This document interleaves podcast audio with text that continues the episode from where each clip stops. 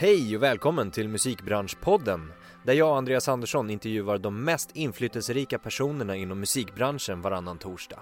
Det här är vårt sätt att sprida kunskap och förståelse kring den ständigt utvecklande och aktuella musikbranschen. I dagens avsnitt pratar jag med Per Almqvist, medgrundare och VD på Tracklib. Deras mission är att låsa upp världens musikskatt genom att skapa en plattform för användning av samplingar. Vad det här betyder kommer ni få höra om i avsnittet. Per är en riktig entreprenör som har gjort allt från att driva byråer till att starta och driva företag i Indien för att tillgodose behovet av el i vissa regioner. Och nu har han tagit sig an ännu en stor och komplex utmaning, nämligen rättssystemet i musikbranschen. Häng med när vi snackar om allt från Pers resa till utmaningarna med att driva företag och till sample clearance till exempel. Välkomna!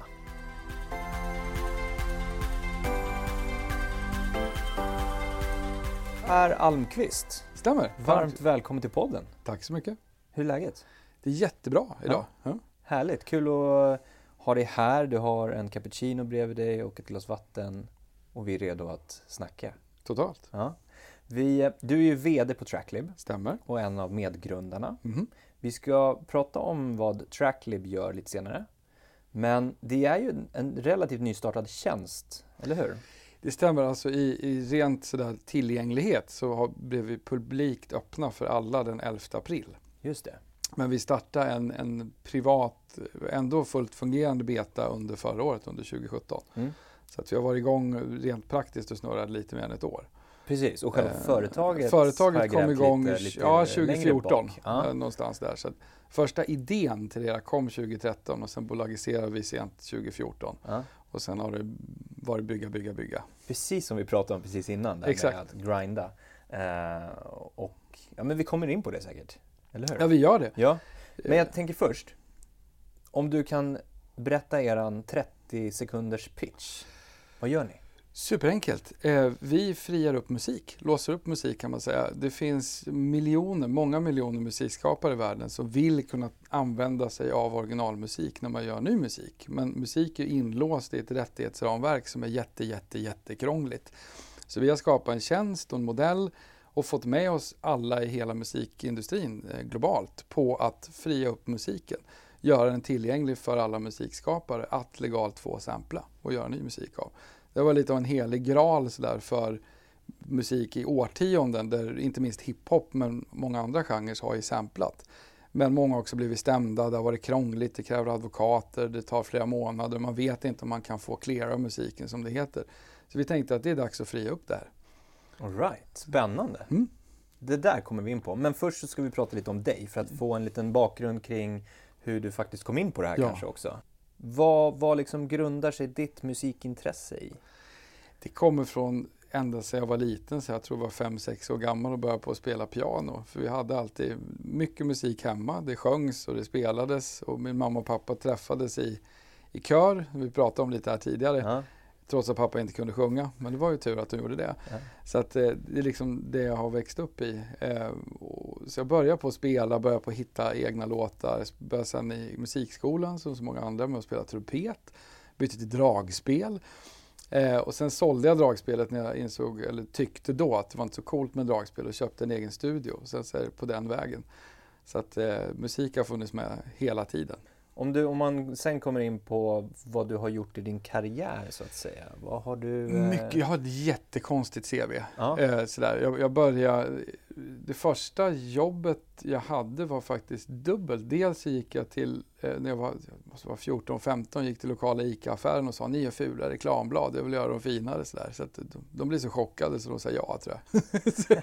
och sen lärde jag känna lokala tryckeriet, jag lärde känna hur det gick till. Så, att så började jag på att lära mig vid väldigt ung ålder grafisk formgivning och produktion och så. Samtidigt så anställde min gymnasieskola mig som lärare åt lärarna i grafisk form.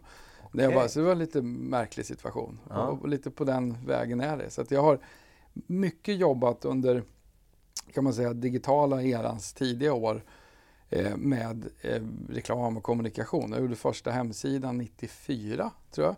Någonstans där. Eh, och sen har jag jobbat för byråer, drivit egna byråer Eh, flyttade ut från Sverige 2005 till Istanbul av alla ställen.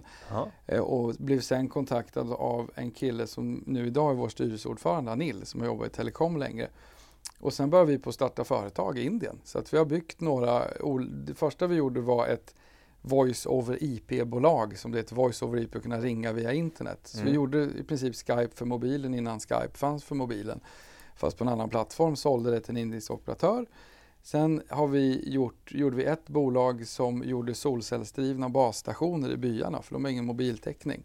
Eh, det fick vi, blev vi utnämnda till World Economic Forum Technology Pioneers för.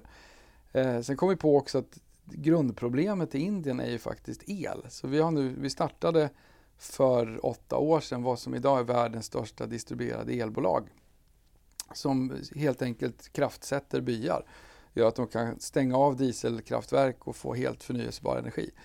Eh, så vi hade till och med David Letterman var ute och hälsade på oss och gjorde en dokumentär för National Geographic här för ett par år sedan. Så det var en rolig resa. Eh, så, och mitt jobb mycket i det hela har alltid varit att liksom paketera och förklara vad, vad vi gör för någonting. Eh, del i bolagsbyggande kan man säga. Eh, och sen tänkte jag lite grann när man har tagit sig an indiska landsbygden och gett den el, då är man redo att ta sig an något ännu krångligare och viktiga musikrättigheter. Mm. det, det, och det tajmade bra för att när, när det i Indien var igång, elbolaget, så blev jag pappa. Och det är lite svårt att pendla till Delhi sådär, när man har småbarn. Ja. Och, och, samtidigt kom Erik Amarillo då till mig 2013 och sa jag har värsta idén liksom. Jag får massa förfrågningar från hela världen från folk som vill sampla mig. Eh, men det är så krångligt. Vi borde göra en typ sample cloud. Liksom. Så att på den vägen är det. Så att bakgrunden är, börja med musik, gick vidare till form och kommunikation och sen bygga bolag mycket utanför Sverige och sen tillbaka här nu och gör saker i musik. Så häftigt att höra. Just så. hur den här vägen går. Ja. Och du var en entreprenör redan från början låter det som. Jag tror jag är sjukt nyfiken. Ja. för, för, det är det, det, där som är så intressant. Att vart kommer det där drivet ifrån när man då som 14-åring går till mm. ICA och säger ni gör fula reklamblad? Ja. Vad, vad grundar sig det i? Nyfikenheten är en av dem då? Jag tror det och jag, jag tror att många som kanske startar saker, antingen är man irriterad på grejer, där man känner det här måste vi fixa, det här är fel. Ja. Eh, en del drivs av revanschlusta, en del drivs av bara nyfikenhet. Jag tror det är viktigt att förstå var ens driv kommer ifrån och bli vän med det. En del ja. drivs ju för hårt av sitt driv, tror jag. Och det gäller att bli kompis med sitt driv, ja. hur, hur, enkelt det än kan låta. Och det tar tid. Det gör ju det. det tog mig många år. Sådär. Men jag tror det är nyfikenhet i botten. Eh, vända på stenar och, och bygga saker. Ja. Egentligen är väl lego i botten på något vis. Bara att man bygger med andra klossar idag. Liksom. Ja, faktiskt. det där, den där liknelsen gillar jag. Jag känner igen det där också. Alltså dels att jag byggde med lego väldigt ja. mycket själv. Men när man bygger någonting, en idé, ett bolag. Så är det liksom att lägga på nästa sak, nästa sak, nästa sak. Yes. Men utan instruktionerna bra, jättebra liknelse. Det, det, stämmer. Det är en sån här stor, eller stor IKEA-möbel utan manual, liksom, ja. men man har alla verktyg. så, så, mycket frustration, det tar längre tid. Liksom. Ja. Men, eh, men, det är väl lite det vi gör. Vi, vi, vi finns här ett tag och vi skapar någon sorts ordning ur, ur kaos. Jag tror att det är en grundläggande mänsklig instinkt att göra det. Liksom. Mm. I en kaotisk värld skapa lite ordning. Liksom. Men har du haft några målsättningar när du har tagit an de här, till exempel elbolaget liksom, i Indien att det här ska bli det här. Såg du bortom det eller var det bara 100% fokus på det då? Jag tror att alla som... Jag har alltid varit fullt fokuserad på det jag gör. Jag tror att det är, det är en, man har liksom näsan djupt ner i, i, i liksom det praktiska och plöjer på. Ibland mm. kliver man upp huvudet och säger oj, oj, det har gått två år. Sådär. Men, men det, det krävs lite av en besatthet för att faktiskt flytta skåp som man gör när man bygger någonting nytt. Mm. Och, och, för att kunna göra det så är en vision väldigt, väldigt viktig. Man, man, behöver veta, eller ha en känsla för det dit vi ska. Alltså någon del av det behöver redan vara klart. Du ser att det har hänt. Och sen en del av det är det här frustrerande med att vänta in att det där som du vet ska hända kommer att hända. Ja. Och det tar alltid sjukt mycket längre tid ja. än vad man tror från början. Som vi sa från början, där, Exakt. vi var inne på det, att det tar tre gånger så lång tid, det kostar tre gånger så mycket pengar. Jag har, det var en kompis som sa, jag tror det var Robert som sa det, Henrysson någon gång tidigt att multiplicera alla planer du har med pi. Minst ja. 3,14. Alltså, tre gånger, precis som du sa, 3,14 gånger längre tid, 3,14 gånger svårare, 3,14 gånger dyrare än vad du tror från början. Ja. Men är du liksom i grund och botten också någon som vill vara med och påverka någon slags utveckling? Totalt. Jag, jag tror, och det kommit mer och mer med, med olika saker jag har gjort. Sådär. När, när jag insåg att man, det, mycket är faktiskt möjligt om du är beredd att lägga in hårt jobb på det. Du är beredd på att, att folk inte förstår vad du håller på med eller är direkt skeptiska mot det. Men också omge dig med bra människor och liksom ha uthållighet. Så, så liksom går det mesta att genomföra. Mm. Um, så att man, jag, jag, tror det finns också mer så än någonsin tidigare tror jag idag när vi vet, vi känner till stora problem i världen.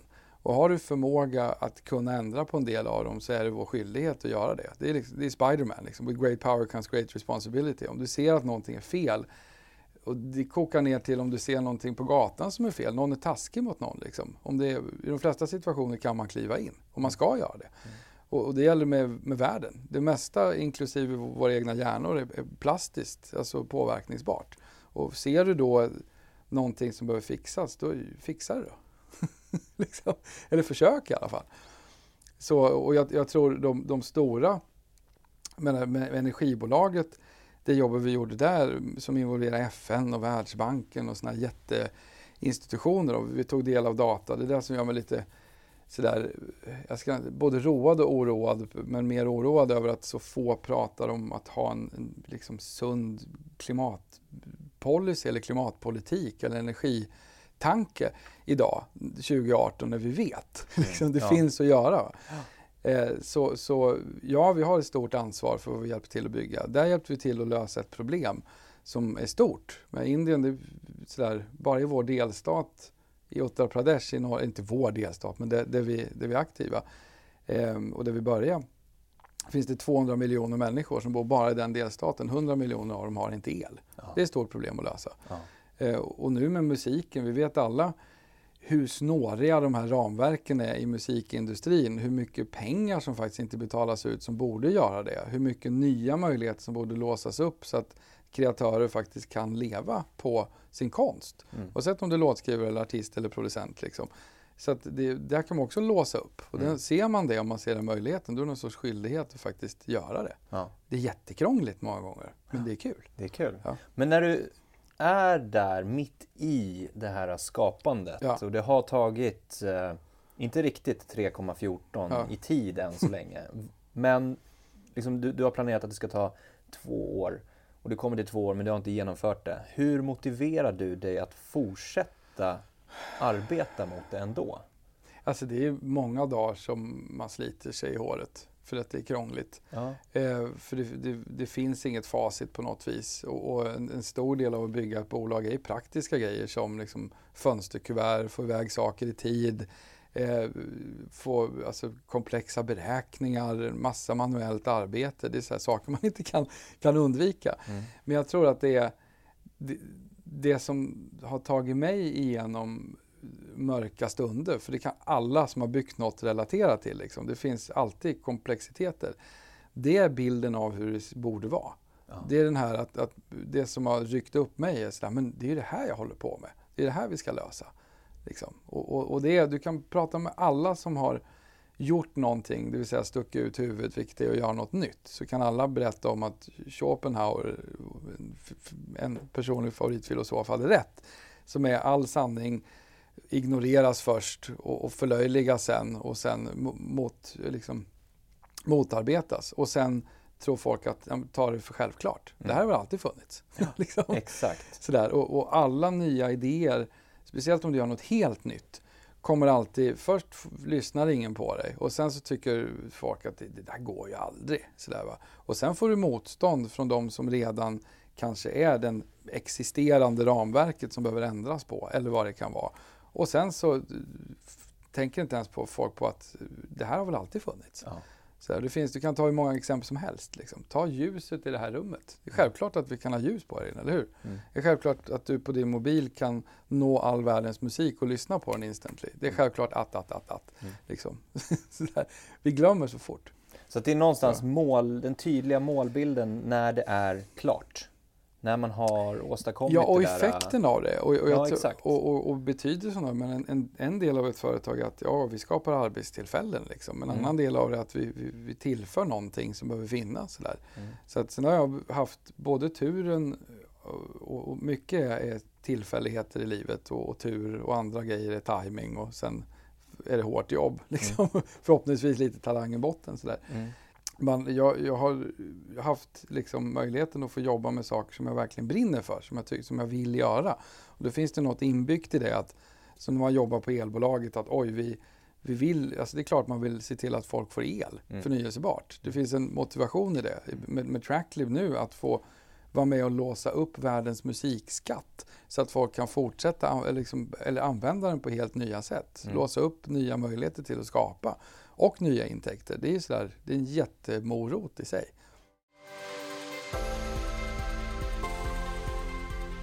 Jag tänkte vi ska gå in lite grann på, precis som du sa, Tracklib Mm. och vad det är ni gör för någonting. Vi fick en 30 sekunders pitch, Ja. jag tror att den var 45 sekunder dock. ja, men tack. Ja, jag ska slipa lite. Ja. Eh, vi, vi kom in på det, 2013 ja. så kom idén.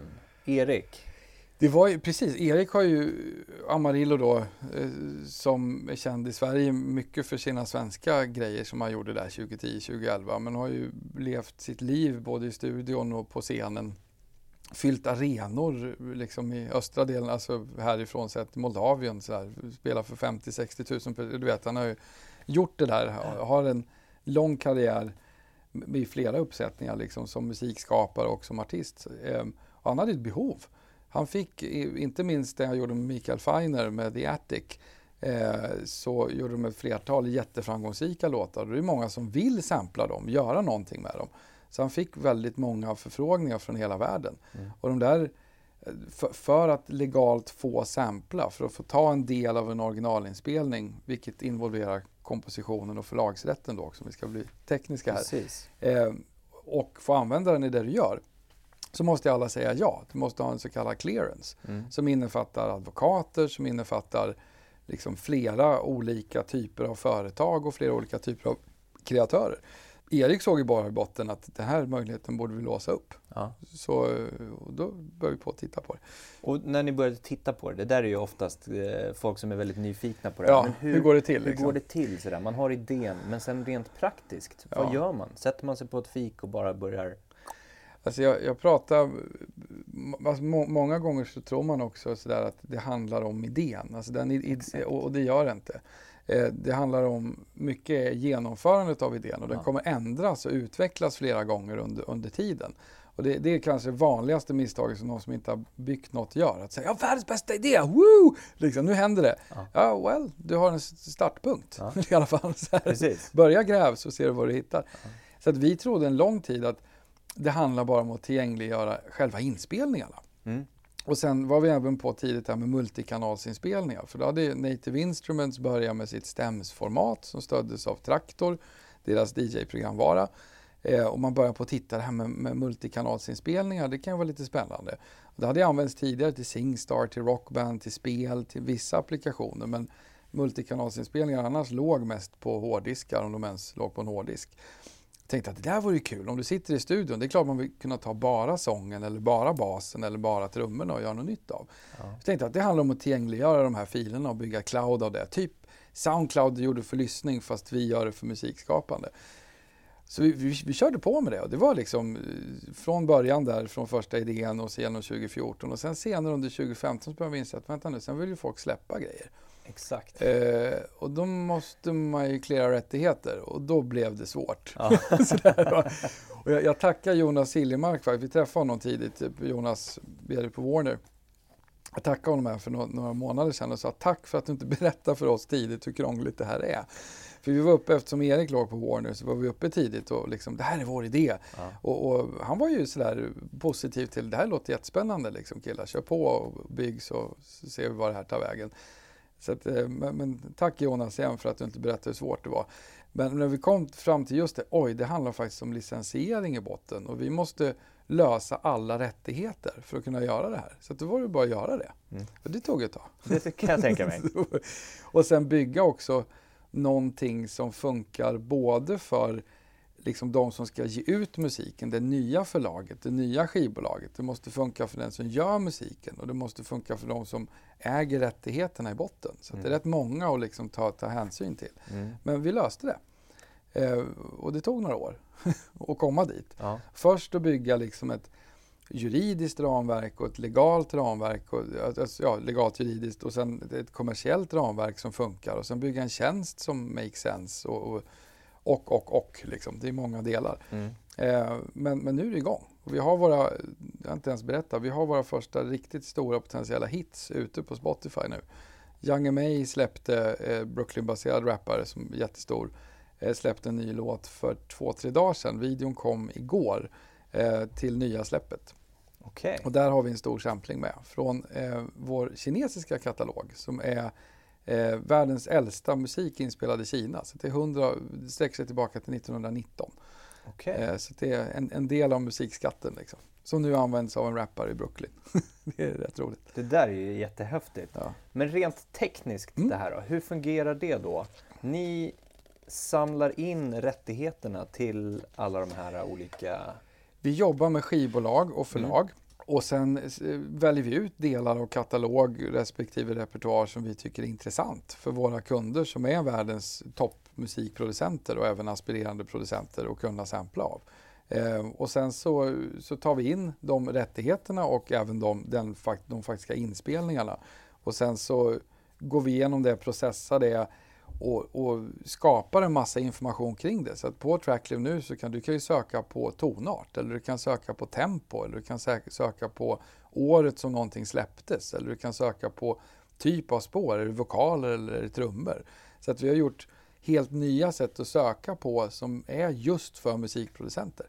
Okej. Okay. Så det, det är vårt jobb här att vara en länk mellan världens musikskatt och producenterna. Just det. Eh, men, det, men som vi jobbar, vi är partner till det vi brukar kalla kollektiv för rättighetsägare, det vill säga både skivbolag som äger inspelningen, som involverar artister och producenter och även förlag som involverar immaterialrätten om man vill prata liksom, rättighetstermer, kompositionen och involverar då såklart låtskrivare och, och textförfattare och liksom andra. Mm.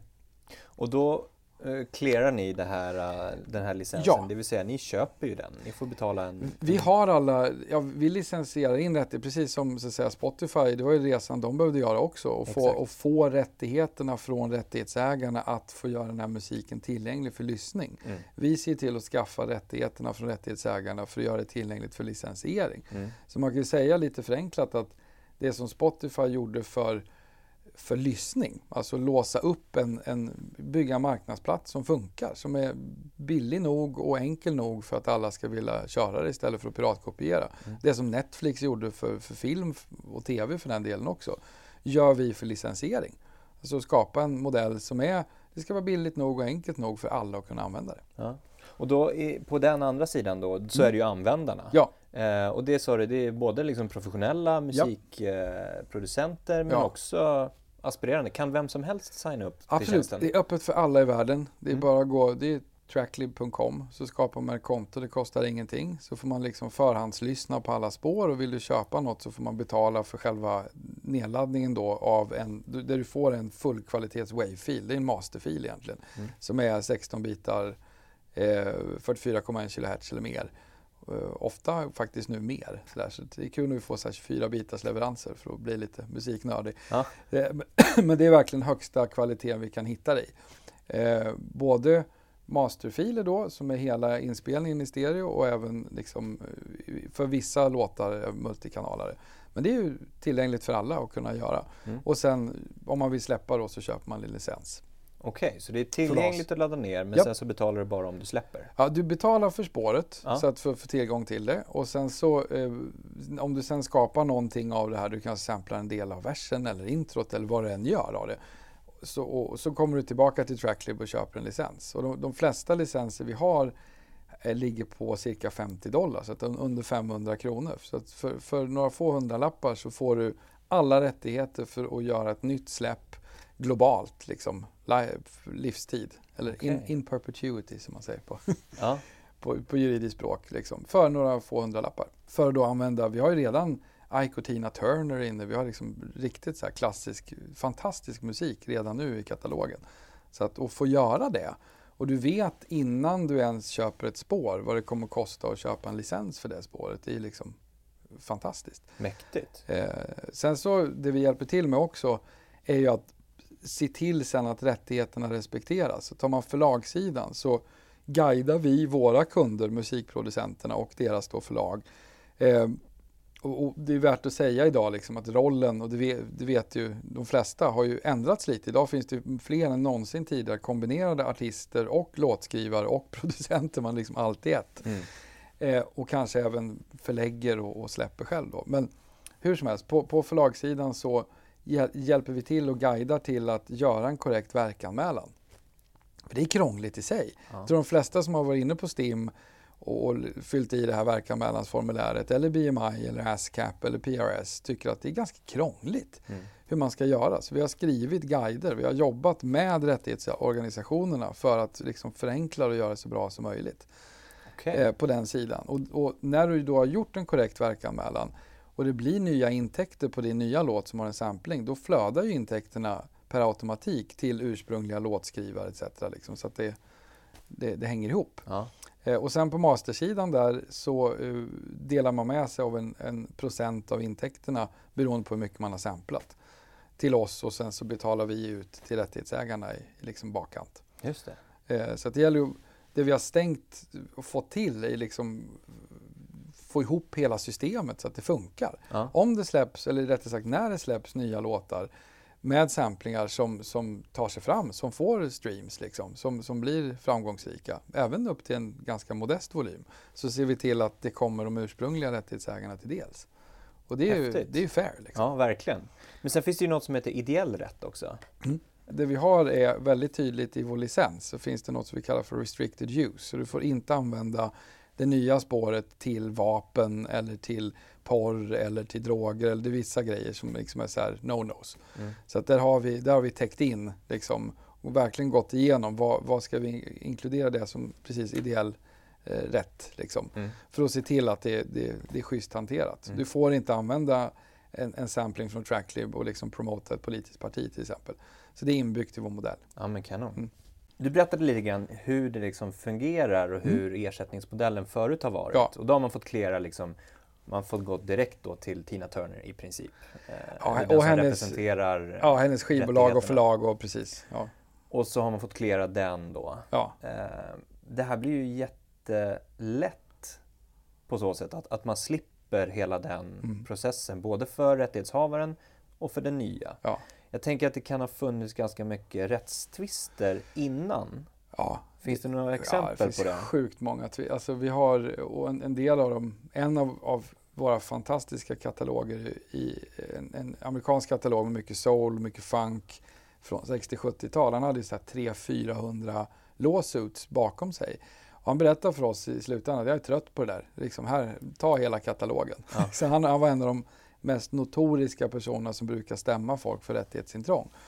Och det här börjar ju på, man kan säga, beroende på vem du frågar, sent 80-tal, tidigt 90-tal så börjar det på liksom accelerera med, med just eh, stämningar helt enkelt för rättighetsintrång, inte minst i USA. Mm. Eh, Tom Silverman som är vår partner i USA som, som startade och driver fortfarande faktiskt Tommy Boy, legendariskt hiphopbolag. Hans första släpp var Africa Bambata Planet Rock som liksom definierar en, en, en genre. Så där. Sen gav han ut Della Soul och liksom House of Pain och listan är lång på fantastiska släpp som han har gjort. Men han har ju både clearat rättigheter då för släpp han ska göra. De har blivit stämda för sådär, jag tror det var Monkeys som, som kom upp sådär, haha, efter många år och sa den där Della Soul-låten innehåller liksom en sampling av oss som var djupt liksom ah, ner i mixen. Okay. Men, men hittade det, så det, det kom fram. Eh, till eh, sådär, alltså det finns senaste som många känner till är den här Blurred Lines eh, grejen med Pharrell och Robin Thicke och liksom mm. flera. där man hade egentligen lånat utan att be om tillstånd från början. Liksom. Så kan man ju, det var inte en direkt sampling, men man, vi ska inte gå in på just den. Men det finns liksom många, många tusen exempel på fantastiska låtar som har gjorts, spelats in, är klara, inte sen kan få clearance och aldrig liksom släpps. Mm. Och finns många exempel på där, där det har varit det läget där någon har släppt en mixtape istället och sen har det blivit ett släpp och så har man blivit stämd på alla rättigheter. Så, där. så att det, det, har inte funnits ett system för det här. Det är ju domar i samma tingsrätt, om man tar liksom, svensk kontext, håller ju inte med varandra om vad som är liksom significant originality eller tillräcklig verkshöjd. Liksom då. Mm, mm. Eh, så att, för det är subjektivt och det är där vi vill ändra på. Så all, all, all den här subjektiviteten och, och avsaknaden av liksom bara en enkel väg mellan rättighetsägare och de som vill använda rättigheterna. Det, liksom, det måste fixas. Mm. Det är gal, galenskaper. Liksom. Det finns miljoner där ute som vill använda den här fantastiska musikskatten. Men det är så sjukt krångligt. Mm. Sådär. Så att, ofta tar man in, vår, jag nämnde henne tidigare, vår, vår, en, en till partner i USA, Debra, fantastisk kvinna som eh, driver en, den kanske mest framgångsrika clearance-firman. Hon kallas för the Queen of Sample Clearance.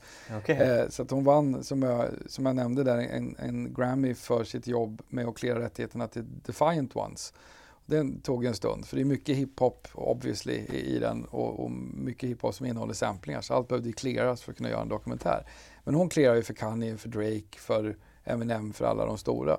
Så att vill man cleara på det gamla sättet då går man till en sån person många gånger mm. som i sin tur hjälper till att ta kontakt med alla. Men det är dyrt och tar tid och man vet inte i förhand om det går att cleara ens. Liksom. Så, att, eh, så hon hakade på det och sa det här är framtiden, jag vill göra det här. Så att, liksom, hoppa in med alla liksom, sina. Har ni några konkurrenter som gör något liknande? Vi har inte det alls faktiskt i, i det här läget. Det finns tjänster som jobbar med clearing av rättigheter för, för DJ-remixar och sånt där. Liksom. Så jobbar du med en remix som är att ta hela låten och bara göra din flavor på den kan man säga.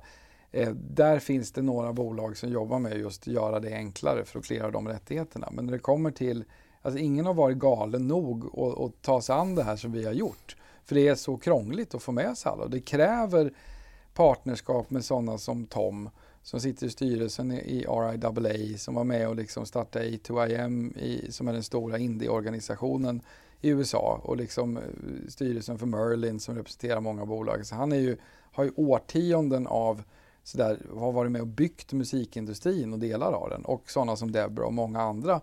Det har tagit många, många år att liksom bilda, skapa de relationerna och få med sig de människorna och sen jobba med alla världens rättighetsorganisationer och liksom få support. Så det är, eh, det, är en, det är ett rätt krångligt problem att lösa. Jag förstår det. Men vad, vad blir liksom, nu när ni är igång, ni har ja. lanserat plattformen eh, ganska nyligen som mm. vi var inne på.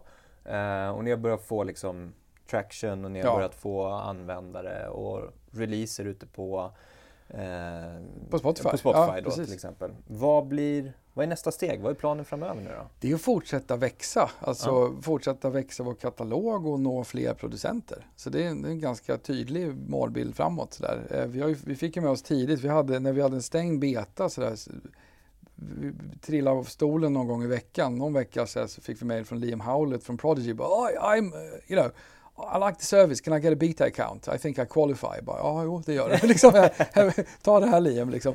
Eh, och vi fick ju jättesupport tidigt från Questlove, eh, från The Root som de flesta kanske känner till. En fantastisk liksom, kreativ kraft.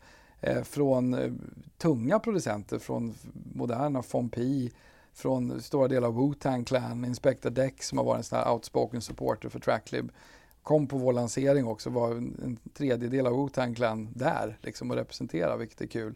Eh, och vi har fått med som våra rådgivare, för vi har ska, startat vad vi kallar för en, en um, Creative Advisory Board för just väldigt duktiga producenter och artister och hjälpa guida oss i utvecklingen av bolaget. Så, så tidigt fick vi med Prince Paul som har proddat mycket för bland annat Della Soul med många andra. Eric Sermon som är fantastisk rappare och producent och nu senast Drummerboy som var en av de som var med och startade hela musikgenren trap. Eh, och vi har fler på gång att berätta om. Så mm. att, eh, vi har varit väldigt aktiva i USA men fått support från killar som inte går att köpa. Liksom. Eh, och eh, pratar, det var svårt att hitta tjejer, ska jag säga ja. också, just som producenter. Men nu har vi flertal diskussioner igång som är jättespännande, som jag hoppas berätta om någon annan gång. Ja, eh, för, för, att balansera det. Men ja. vi har fått jättesupport initialt från verkligen tunga producenter. Vi hade redan när vi lanserade över 25 Grammy, Grammy Award winners liksom, och Junior Award winners som aktivt använde tjänsten. Så det är fantastiskt. Ja. Så att baserat på alla de, den fantastiska support vi har fått från alla proffs och liksom etablerade så går vi nu ut och, och når fler mm. och, och, låser upp det här för, för alla musikproducenter i världen. För, ja, att, för är du proffs så är det ett enormt problem. De flesta har då kanske varit med om och blivit stämda eller försökt göra en manuell clearance och vet vilket helvete det är. Det är som att flytta in i ett hus och liksom få allting klart, flyttat in. Du vet inte ens vad det ska kosta än. Liksom. och du har redan flyttat in. Ja. Lite så är det med, med cleara rättigheter idag. Ja. Så för dem är det obvious. Men nu, nu går vi ut och når så många som möjligt. Vi har redan kunder i 128 länder. Så att vi är ute glo globalt så att säga, och är aktiva vi är med på Beat Battles i Tokyo. Vi har grejer även i Tyskland nu i Berlin förra veckan där de driver en Sample Music Festival. Så det var världsmästerskapen i scratching och det var en stor tävling i fingerdrumming och så gjorde vi live beatmaking sessions där vi ger musik då till beatmakers som får två timmar på sig i det här fallet att göra något nytt. Coolt. Så, där, så att vi, vi, vi är runt på, på många ställen. Ha? Och sen även jobbar då väldigt mycket med att hitta ny katalog eh, som är spännande. Och där är också ett globalt arbete med att just fria upp rättigheter. Så att vi fick in nu senaste eh, riktigt bra brasiliansk musik som har kommit upp. Eh, innan det var ju, som jag nämnde, den här kinesiska katalogen, de äldsta ljudinspelningarna från Kina som är över 100 år, ja, ganska exakt 100 år gamla. Mm som kommer. Så att vi, vi brukar säga lite sådär, att våra topplistor är precis motsatsen till liksom trackslistan i Sverige eller Billboard. Sådär, va? Men många, mycket av den musik som ligger på våra topplistor kommer bli en del av morgondagens hits som kommer ut liksom på Billboard. Och vad blir i hela den här resan, i planen framöver, vad tror du är liksom de största utmaningarna för er? Det är som liksom, jag, jag tror många kanske så här, första grejen man startar är att vi ska bygga det här och så är det klart. Mm. Liksom. Så man bygger det och så kommer ingen. Liksom. Det är ingen, sällan någon som kommer och knackar på dörren när du är ny. Så att det, är, det är den klassiska grejen i att skala upp någonting, att se till att sprida det på ett bra sätt. Eh, att jobba med rätt partners för att komma ut, att, att få fler som pratar om dig. Eh, helt enkelt att skala upp det. Eh, som är en, en generell utmaning vad du än driver. De flesta vill ju växa och vill att så många som möjligt ska få del av det man, har, man erbjuder. Så det, det, är den resan. Så jag ser det i, alltså, vi har jätteambitiösa planer eh, under de kommande åren och det, mitt jobb är mycket fokuserat där på just uppskalning. Mm. Det gäller att hitta folk, hitta talanger. Det gäller att, och så har man ju växtverk och man ser saker, att, oj, där har vi för få, där är en jätteflaskhals, där behöver vi få in fler. Eller det där funkar inte, vi måste bygga om den där processen. Så att det är hela tiden det som, jag, jag, tror mycket på det här japanska kaizen som, jag tror det kom från Toyota, som eh, deras liksom, metodologi i hur de jobbar, vilket är continuous improvement, att alltid göra små förbättringar hela tiden. Och, och de senaste åren, inte minst drivet av teknikutveckling, så pratar fler och fler om, om liksom en agila processer. Så att du ska inte göra en femårsplan utan du ska göra kortare planer och mäta av och utvecklas. Jag tror att det är bra att ha en femårsplan och, och samtidigt förstå att, att verkligheten kommer paja alla planer i slutändan. Men det är bra att planera så att du får i alla fall en riktning. Men sen är det hela tiden att, att leta efter saker att förbättra. Så det är en kontinuerlig förbättringsprocess. Det är det stora jobbet. Så är det för alla som bygger tror jag.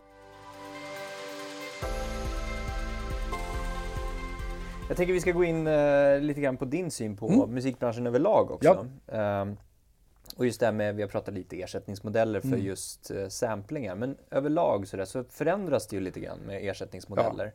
Ja. Um, I alla fall i hur man konsumerar och använder musik. Mm. Vad tror du, eller hur ser du på de här olika ersättningsmodellerna? Oj, eh, det, är, det är ett så stort system liksom. Ja.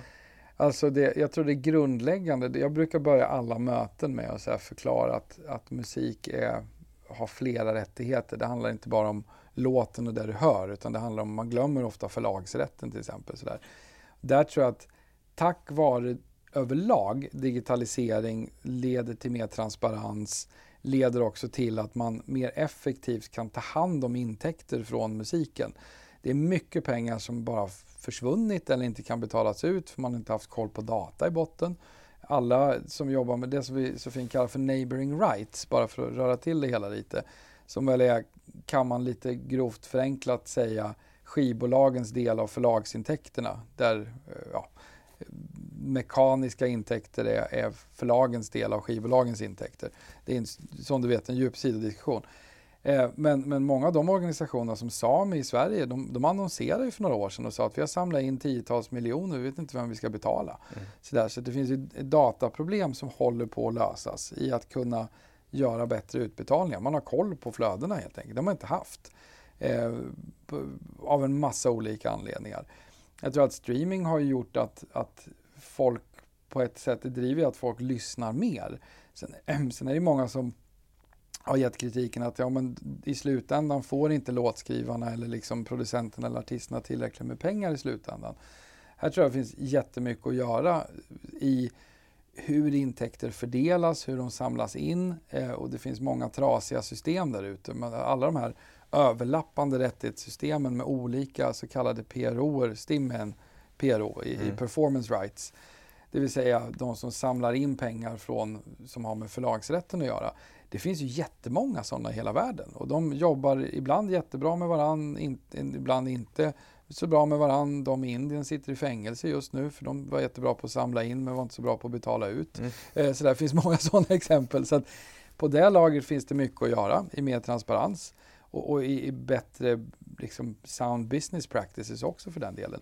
Sen i andra ändan så är det väl hur partnerskapet mellan en kreatör och en rättighetsägare ser ut. Jag menar fördelningen av intäkter idag, standardartistavtal ligger på kanske 72-28. Det 28 går till, till artisten och till producenten och, och övriga till, till skivbolaget. Så det styr ju också hur pengar betalas ut. Mm. Eh, sen gör ju menar, rättighetsägare som jag ser det behövs. Jag menar, som, om du är en artist som bara vill fokusera på, på att skapa det du gör så behöver du ha hjälp med allting annat. Du kan behöva hjälp med, med din egna utveckling som artist. du behöver hjälp att komma ut med din musik. Du behöver hjälp att hitta folk att samarbeta med. Allt det där liksom sköts ju av ett skivbolag och låtskrivare av ett förlag. Men, men, jag tror att rollen kommer ju att självklart förändras över tid. Men mm. allt är så tillgängligt idag. Jag kan lägga ut musik bara på en kinesisk streamingtjänst och ha den ute på en dag. Mm. Jättehäftigt. Mm. Men jag tror överlag, det, mitt, mitt råd till alla kreatörer där ute, oavsett om du är artist eller, eller producent eller låtskrivare eller textförfattare eller kanske allt, all of the above, är att lära dig hur industrin funkar. Förstå liksom när, när någonting streamas på Spotify, vilka olika delar består den intäkten av? Det är inte så krångligt. Liksom. Eller jo, det är det. Men, men, men, men, men en översiktsbild kan man det skapa. Det går att få en bild det, det går, går att, att få en bild. Ja, men man är nyfiken och tar reda på det lite. Liksom. Vi har ju skrivit en del om det, men det finns jättemycket bra fakta där ute. All, de flesta distributionstjänster som DistroKid, CD Baby, många andra har faktiskt väldigt bra guider, även TuneCore kring hur det här funkar. Liksom. Mm. Vad är neighboring rights och hur funkar det? Det är sådär, ja man kanske somnar av att läsa det första gången, men det är grymt att ha koll på det. det för att det leder till att förstå att när jag skapar någonting så, så, så har jag skapat också upphovsrätt.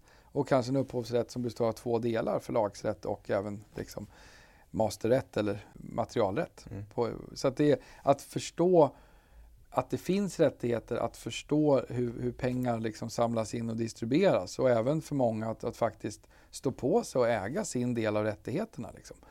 Det, det är mitt starka råd. Jag tänker också sådär att många kanske fastnar i gamla tankar och gamla strukturer och så här ska det vara. Ja. Alltså just när jag tänker på kreatörerna. Mm. Att man, man men så här har man fått betalt för musik ja. tidigare. Bör man också då se lite grann hur skulle man kunna få betalt för musik? Hur skulle man kunna skapa nya sätt att tjäna pengar på, mm. nya inkomstströmmar och så vidare. Så att man inte fastnar i hur det har varit utan hur det kan mm. bli också. Um, och inte bara stå och peka med jag får inte tillräckligt med betalt. Nej, Nej men de, definitivt. Jag tror att några av de mest framgångsrika eh, liksom, musikkreatörerna i världen är också väldigt entreprenöriella i form av att de är nyfikna och tar reda på hur det funkar mm. och ser till att systemet funkar för deras fördel. Liksom.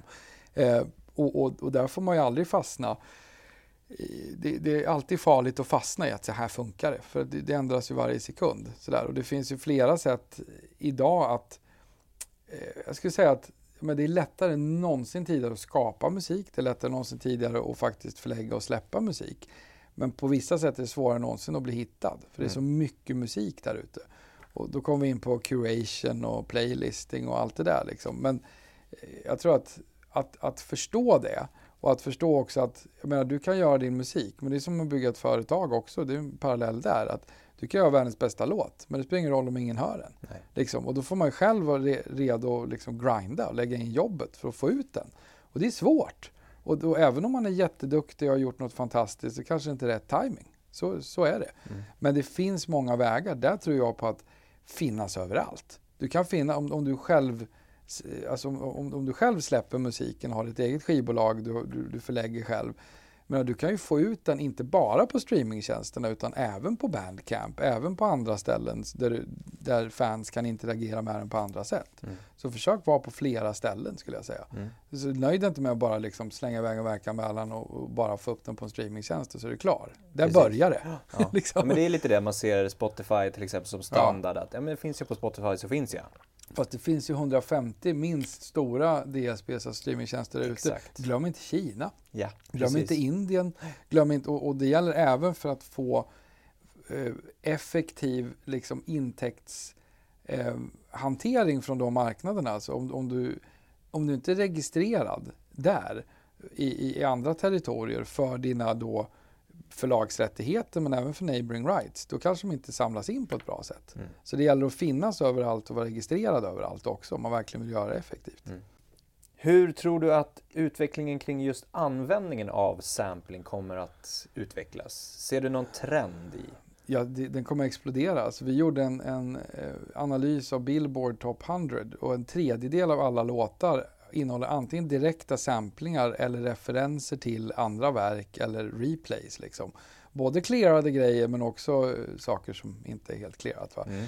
Så att det, det, är populärt från de som liksom kan cleara rättigheter. Jag menar, eh, och, och det är många av hittarna när man tittar lite närmare ser man att ja, det är faktiskt en sampling där.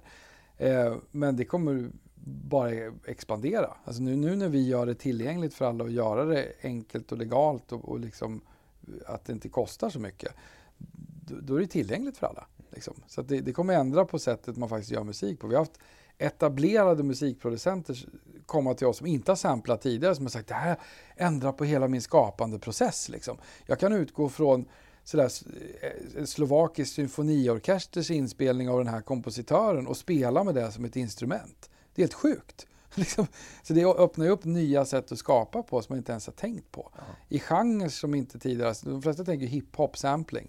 Men jag menar, det är rockartister samplar, popartister samplar. Liksom. Katy Perry har jättemycket samplar på senaste albumet. Vad skulle du ge för tips till de som är producenter idag då? Alltså ditt bästa, ganska bred fråga, men ditt mm. bästa tips till de aspirerande producenterna? Tänk stort. Eh, I form av att hela världen går att nå. Men kompromissa inte heller på din konst. Liksom.